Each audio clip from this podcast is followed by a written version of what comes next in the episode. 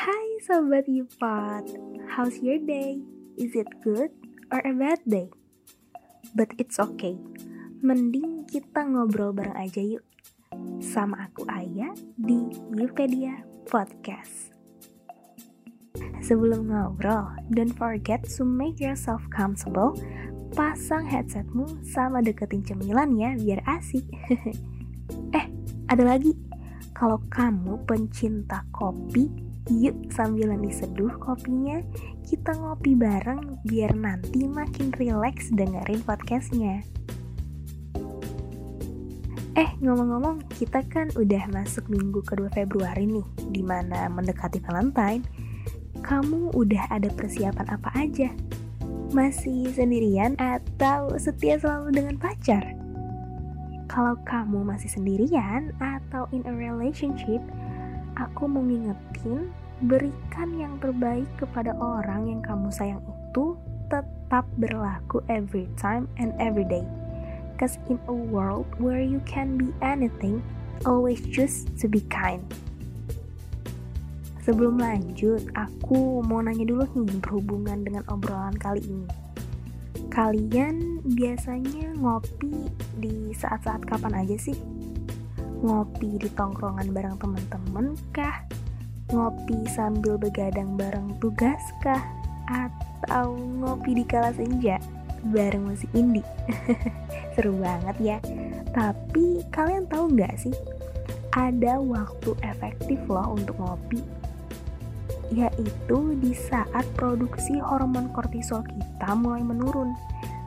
Tepatnya di waktu coffee break atau pada pukul 9.30 pagi hingga 11.30 siang dan juga setengah 2 siang juga jam 5 sore.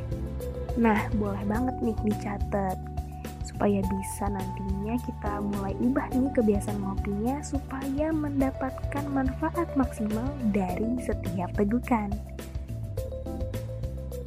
Sambil nemenin kalian nih di sini, aku pastinya mau ngebahas tentang manfaat kopi. Penasaran? Dengerin terus ya.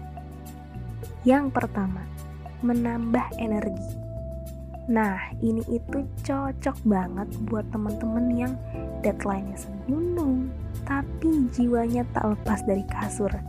Atau mungkin sedang mengerjakan deadline-deadline yang segunung itu, tapi bawaannya capek terus. Nah, dengan kafein yang ada di dalam kopi ini, dapat membuat tubuh kamu lebih segar dan berstamina lagi.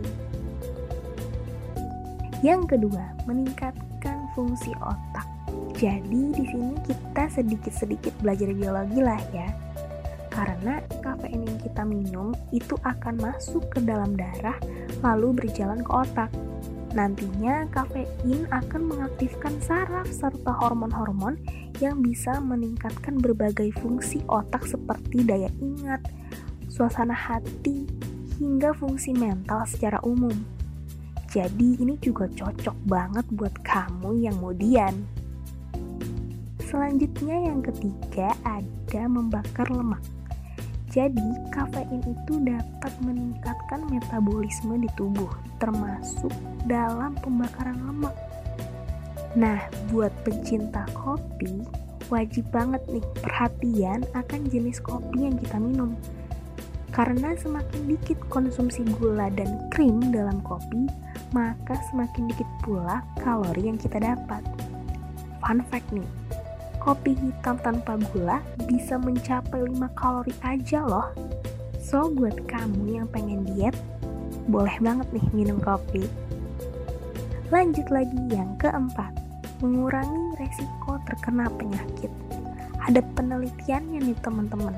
Jadi dengan mengkonsumsi kopi sebanyak dua cangkir atau lebih, ternyata dapat menurunkan resiko kita hingga 66% terhadap kematian akibat sirosis. Jadi, kopi ini bisa dapat memperpanjang umur karena di mana antioksidan dalam segelas kopi hitam itu dapat melindungi tubuhmu dari berbagai macam penyakit. Tidak kalah dari buah dan sayuran loh. Dan yang terakhir, membuat bahagia.